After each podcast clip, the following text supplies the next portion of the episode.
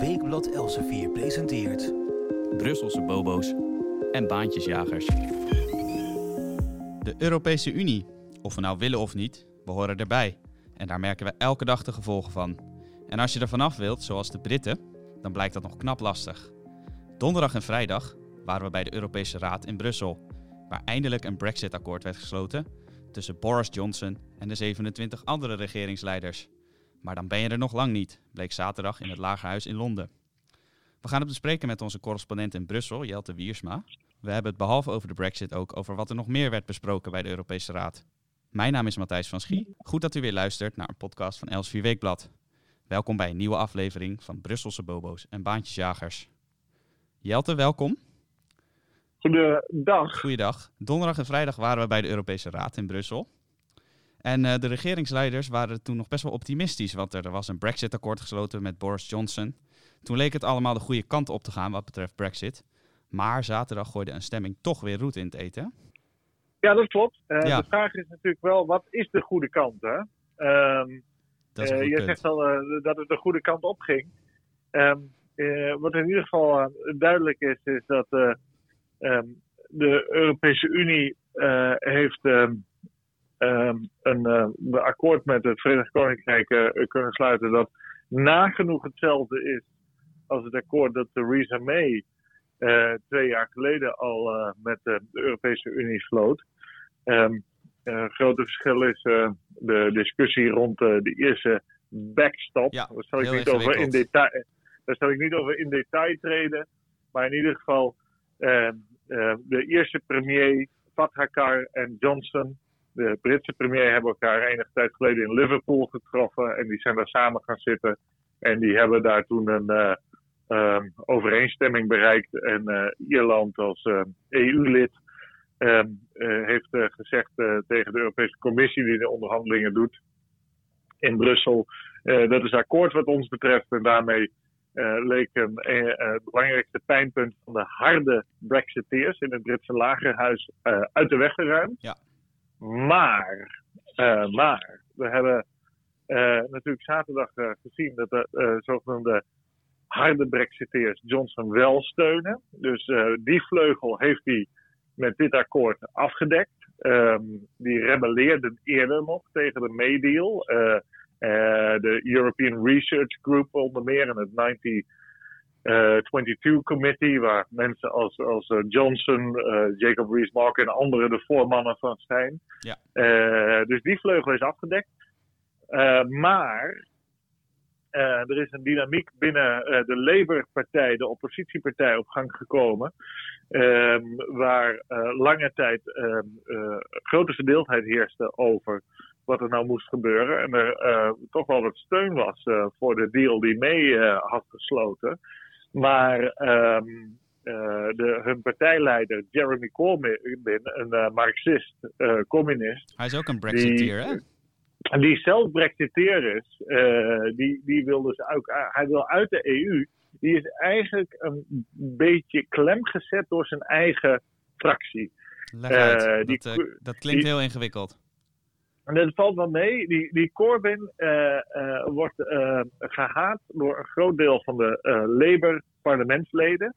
Maar die Corbyn is aan de macht gekomen doordat uh, een zogenaamde beweging genaamd Momentum binnen de Labour-partij op een slimme campagnewijze en door slim zich te positioneren, Corbyn tot partijleider heeft kunnen bombarderen. Ja. Um, en um, die, die strijd binnen Labour die is dus in eerste instantie gewonnen door Momentum. Uh, Corbyn partijleider. Corbyn wilde ook wel uh, akkoord gaan met die, die May-deal. Maar um, nu heeft zich de situatie voorgedaan dat de, de, de Labour-fractie, die een overgrote meerderheid die um, Corbyn liever niet als partijleider heeft, die heeft Corbyn eigenlijk klem gezet en gezegd van nee, wij als Labour moeten gaan voor uh, het volgende, uh, voor een zogenaamde, uh, tweede, een zogenaamd tweede referendum, ook wel genoemd de People's Vote. En dat houdt in, er komt een referendum over het voorstel over het akkoord zoals Johnson en de EU dat hebben gesloten. En wordt het afgewezen door de Britse kiesgerechtigden. En dan blijft het Verenigd Koninkrijk in de Europese Unie. Dus het is eigenlijk uh, deze deal of geen Brexit, om het even samen te vatten. Ja, ja, precies. Je had natuurlijk ook een referendum kunnen houden. Uh, of we kunnen voorstellen, zeggen deze deal of anders een harde Brexit. Mhm. Maar dat is niet de vraag die, die Labour wil stellen. Labour wil de vraag stellen of deze deal, en als u deze deal niet wilt, als u die afstemt als, als kiesgerechtigde, dan uh, blijven we in de Europese Unie. Nou, die Labour-partij uh, heeft en bloc, uh, nagenoeg en bloc, een paar, paar, op een paar dissidenten na, tegen de Johnson-deal gestemd. want ze willen dus een referendum. Ja. en samen met de Schotse Nationale Partij, samen met de DUP uit Noord-Ierland, ja, de, de Unionistische. Ja, die, die waren tegen. Dus, en daarmee haalde die het net niet. Um, ja, ja, toen moest hij met tegenzin eigenlijk weer om uitstel gaan vragen. Hè? Want hij, ja, hij heeft de Europese nu, Unie dat verzocht, maar niet van harte. Nu is een, een interessante positie ontstaan voor Johnson. Die ook wel prisoner number 10 wordt genoemd. Hè? Gevangene op Downing Street 10. Ja. Hij wil dus als premier wil hij iets, maar het parlement dwingt hem andere dingen te doen, omdat hij geen meerderheid heeft in het parlement. En daarmee is hij eigenlijk een slaaf geworden van het parlement. Dus wat heeft Johnson gedaan? Hij heeft altijd gezegd van op 31 oktober gaan we uit de Europese Unie. We gaan niet voor een, een, een verlenging vragen van de onderhandeling. Ja, hij lag nog niet dood in de greppel, zei hij zelf letterlijk. Ja. Dus, dus, zo is het. Dat zo is nogal een uitspraak. Hij heeft dus, nadat zijn deal is afgestemd, um, omdat de rechter hem daartoe heeft gedwongen, vanuit het principe dat het parlement uh, het primaat heeft en niet hij, uh, een brief geschreven naar de Europese Unie en gezegd van wij willen toch uitstel, maar hij heeft die brief niet ondertekend en hij heeft ook in die brief gezegd van, dat hij het eigenlijk niet wil. Dus de vraag is voor mij wel een beetje, en ik heb er nog geen antwoord op, of dat, of dat enige uh, juridische waarde heeft. Dat zijn handtekeningen uh, niet onder staat, bedoel je? Zo is het, zo is het. Um, in ieder geval um, komt er waarschijnlijk een nieuwe stemming in het Lagerhuis. Daarbij speelt voor Labour ook nog dat zij allerlei nationale wetten aangenomen willen zien worden. Die ervoor zorgen dat de uh, rechten van werknemers, uh, milieustandaarden enzovoort worden aangenomen. Waarmee gegarandeerd wordt dat nadat het Verenigd Koninkrijk de Europese Unie verlaat, de standaarden nooit lager kunnen worden dan ze nu zijn. Want dat vreest Labour een beetje. dat onder een conservatieve regering zaken zoals minimumloon arbeidsrechtbescherming en andere zaken uh, worden uh, afgeschaft. Ja. En uh, dat wil Labour per se niet. Dus die willen eerst dat er in nationale wetten allemaal standaarden worden vervat die door EU-wetten nu gegarandeerd zijn. En pas dan mogelijkerwijs toch meegaan. Ja, dus in, eigenlijk hebben, zij, hebben zij een soort chantagemiddel in handen van of jullie gaan die nationale wetten veranderen of wij stemmen niet in met je Brexit-deal. Dat is, is waar het het, op neerkomt. Ja. Dat, dat speelt ook nog een rol naast dus die, de eerste kwestie die ik noemde. Ja, dit, het is ontzettend ingewikkeld en de, de ontwikkelingen volgen elkaar natuurlijk heel snel op.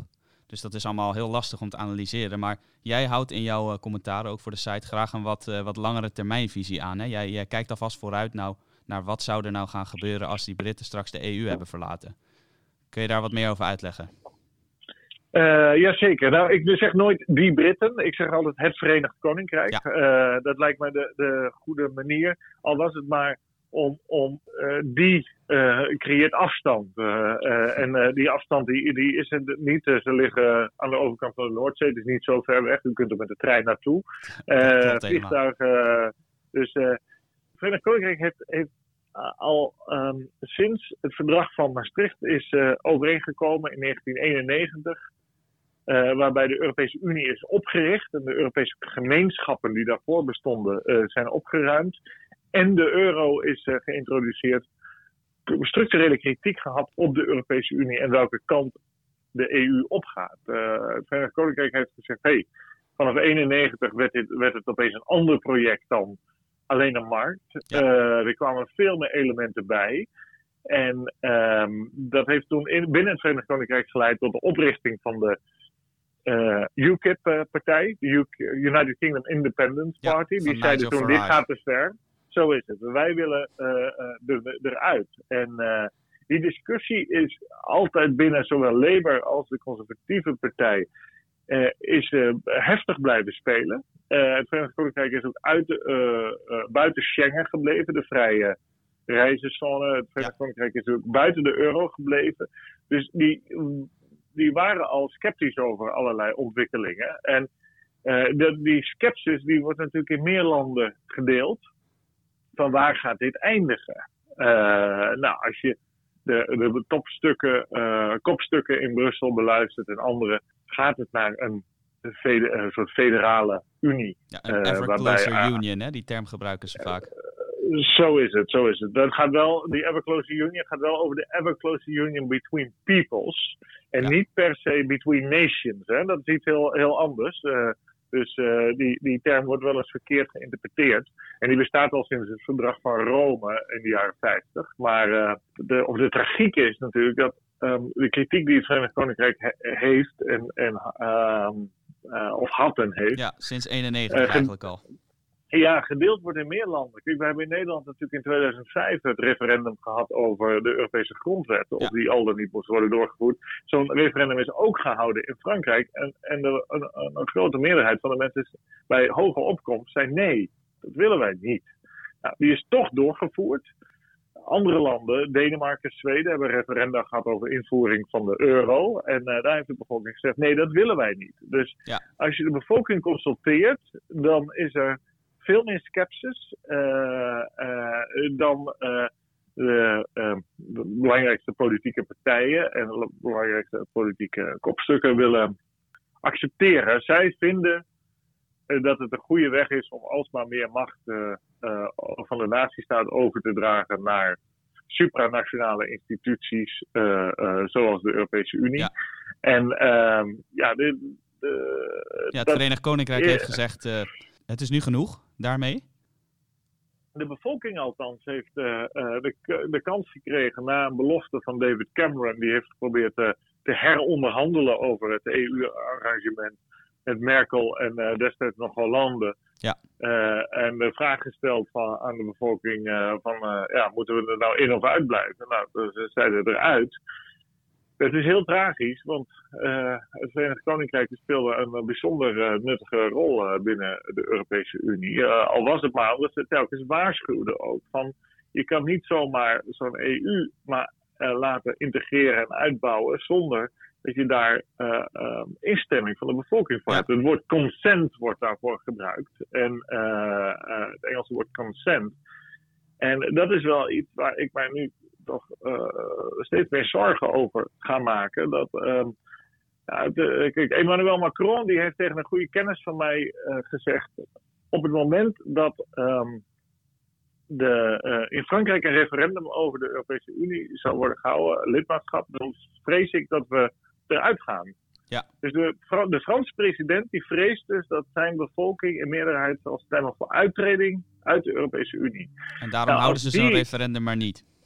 Dus, en daarom houden ze zo'n referendum niet. En uh, nou ja, dat, dan, uh, dan sta je als organisatie, als EU, wel op erg wankele grond. Ja. Uh, ik, en met het Verenigd Koninkrijk eruit, vrees ik dat, dat de, de, de, de nuttige kritische stem over de EU um, meer zal verstommen dan, hij al uh, sowieso ja, buiten de mainstream werd gehouden. Maar uh, ja, dat, lijkt me, dat lijkt geen vooruitgang. En ja, de, de, grootste tragiek is natuurlijk dat um, Brexit had tot introspectie moeten leiden bij de Europese Unie. Wat kunnen wij anders doen?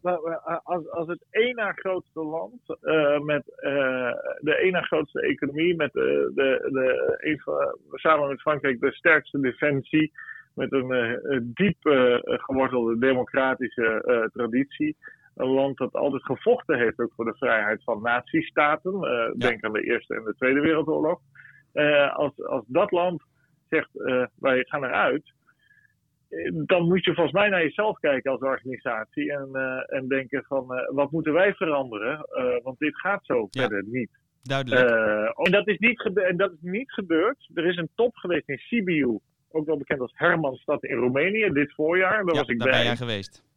En daar is dat niet, daar, daar, daar, wat daaruit kwam aan verklaringen, dat is allemaal flauwekul.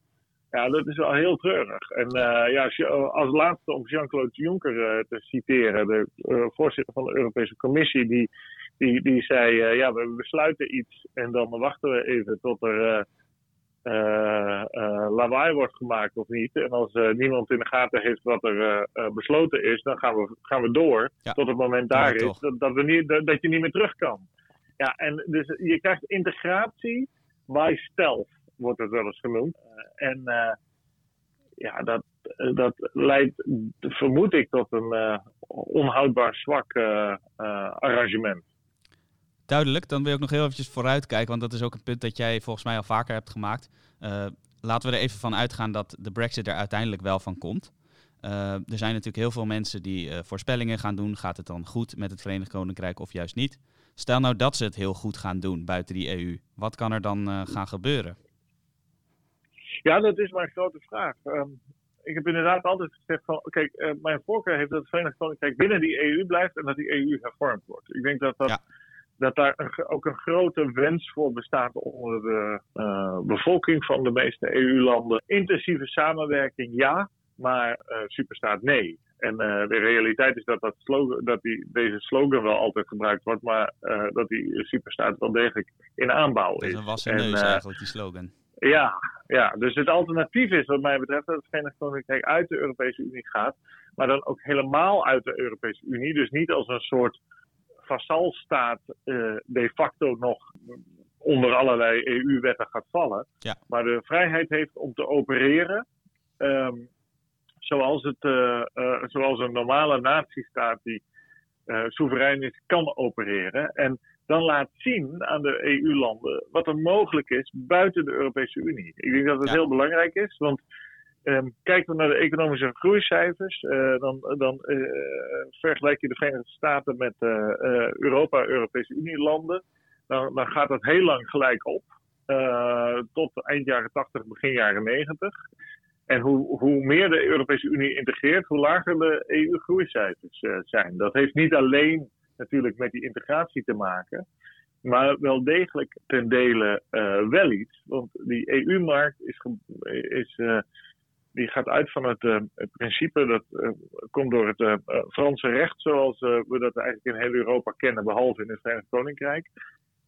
dat um, niks mag in de Europese Unie, tenzij staat opgeschreven dat het wel mag. Ja. In de Verenigde Staten is het net andersom. Dan mag alles, tenzij staat opgeschreven dat het niet mag, expliciet. Ja, dat is vooral voor en, handel uh, natuurlijk uh, een groot verschil en innovatie. Nou, voor innovatie vooral. Ja. Uh, ik, ik, ik, ken meerdere Nederlandse ondernemers die, die, die hebben nieuwe producten en die willen dat vermarkten. en dat kan niet. Ja. Want er, is, er komt geen toestemming voor vanuit Brussel. En die staan dus met lege handen, terwijl ze volstrekt ongevaarlijk product op de markt willen brengen. En uh, ja, het Verenigd Koninkrijk, dat natuurlijk common law kent uh, en niet het uh, Frans-Romeinse recht. ja, het Anglo-Saxische um, recht. Zo is het. Die, die hebben een andere cultuur. En ja, als zij kunnen laten zien dat um, buiten die Europese Unie wel degelijk een economisch krachtig bestaan mogelijk is. En dan hoop ik dat dat druk zet op de Europese Unie-landen om uh, een andere koers te gaan varen. Want uh, zoals het nu is, wordt, wordt, wordt, de EU meer en meer een, een uh, protectionistisch, overgereguleerd blok met allerlei sociale verplichtingen die overheden aangaan en waar ze volgens EU-recht niet meer onderuit kunnen. Ja. Die betaald moeten worden door de belastingbetaler. En het gaat de kant op dat het ook nog een, een, een belastingunie wordt, waarbij de marges van de natiestaten om belasting hoger of lager te zetten worden beperkt. Waarmee je er, er zeker van bent dat er een structureel hoge belastingdruk in de Europese Unie zal bestaan. En dat lijkt me niet verstandig. Dat is helder. We gaan uh, de komende maanden, jaren zien of die Britten eruit komen. En uh, sorry, die Britten, het Verenigd Koninkrijk moet ik natuurlijk zeggen. of zij eruit komen. En zo ja, uh, wat er dan met ze gaat gebeuren. We hebben het nu uitgebreid gehad over Brexit. Maar bij de Europese Raad werd natuurlijk veel meer besproken. Een tweedaagse top met alle regeringsleiders. Want het Verenigd Koninkrijk gaat weg. Maar er komen misschien ook wel twee nieuwe landen bij de EU. Hoe zit dat precies?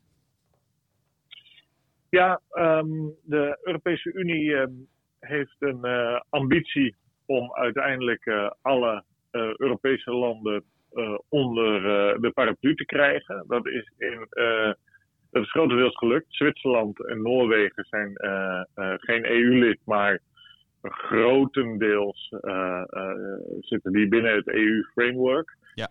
Um, en de vraag is natuurlijk waar eindigt Europa? Maar laten we de grens leggen op dit moment bij, uh, bij Polen, Wit-Rusland, Oekraïne, Rusland. dus bij Rusland en dan Turkije. Ja. Dan zou de, he de hele Balkan er ook bij moeten. En landen zoals Moldavië, Servië, Bosnië-Herzegovina, Albanië, Macedonië, dat nu Noord-Macedonië heet. Die zijn nog geen lid. Ja, en om die laatste twee um, landen die jij noemde, daar, daar is nu veel om te doen, hè? Ja, die, die willen graag lid worden. Dat willen ze eigenlijk allemaal wel daar. Uh, maar um, voordat de toetredingsonderhandelingen kunnen beginnen, um, moeten die landen aan een aantal voorwaarden voldoen. Nederland heeft samen met Frankrijk gezegd, of beter gezegd, Frankrijk heeft samen met Nederland gezegd Noord-Macedonië en Albanië.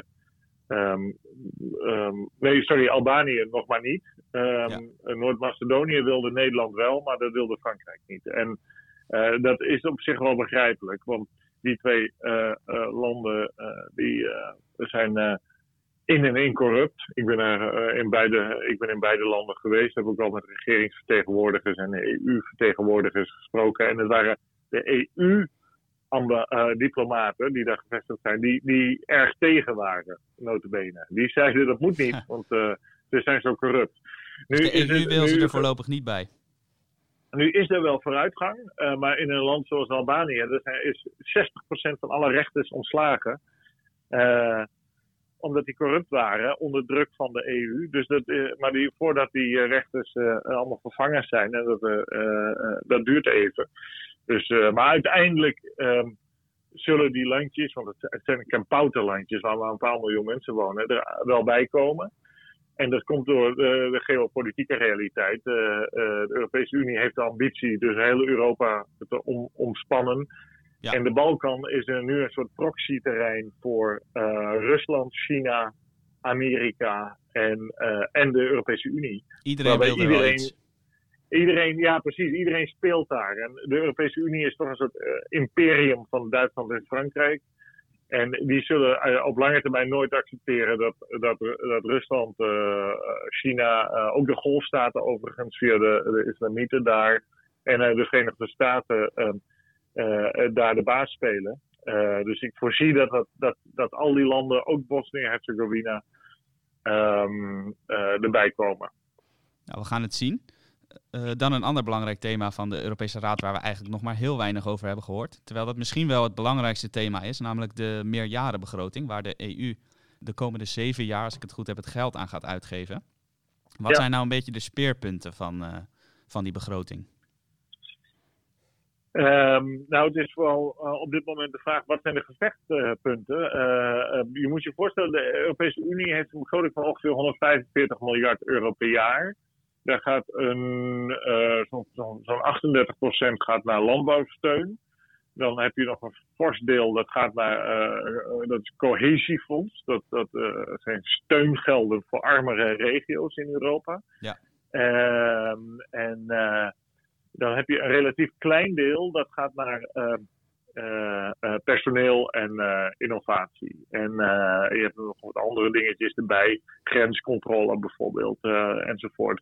Nou, wat is het grote strijdperk? Ten eerste, als het Verenigd Koninkrijk vertrekt, dan valt een land weg dat 12 miljoen euro netto per jaar afdraagt. Dus daar is, een, daar is al 12 miljard, sorry, 12 miljard minder. Dat is één. Twee, landen willen een aantal landen willen een hogere EU-begroting en dat de EU meer gaat doen. Uh, daaronder uh, bijvoorbeeld uh, Frankrijk, ja, die zou wel, wel meer raden, willen. Italië, andere. Nou, Frankrijk is netto betaler, maar goed, die krijgt ook wel veel terug aan boerensteun. Ja.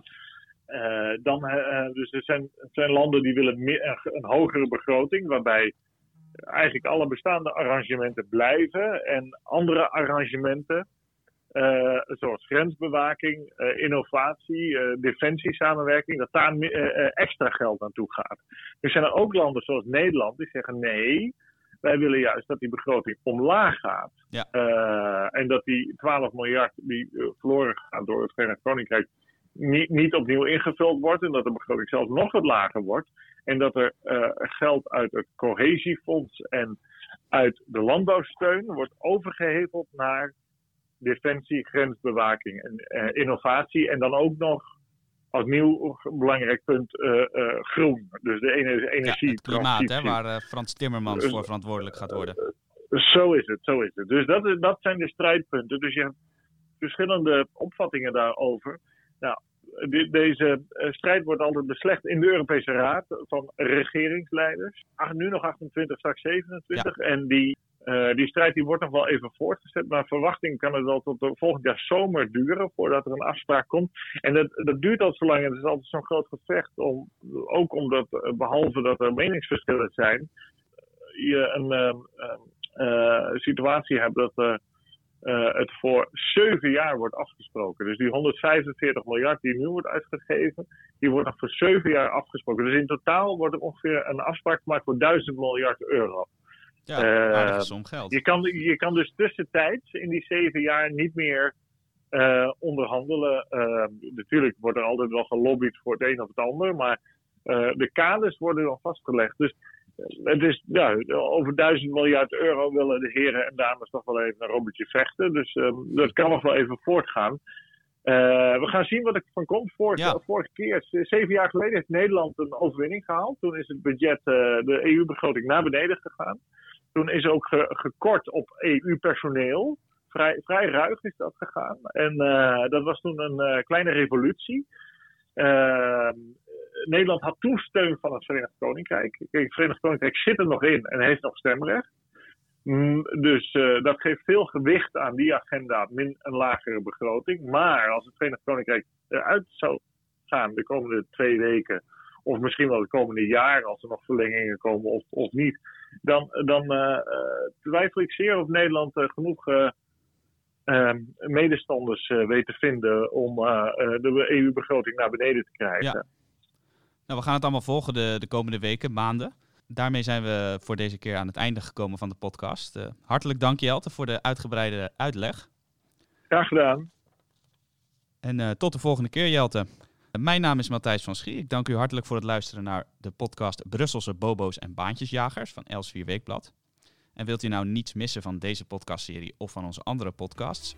Abonneer u dan op ons kanaal Els4 Weekblad, bijvoorbeeld via Spotify of iTunes. Of ga naar de website www.els4weekblad.nl slash podcast. Tot de volgende keer.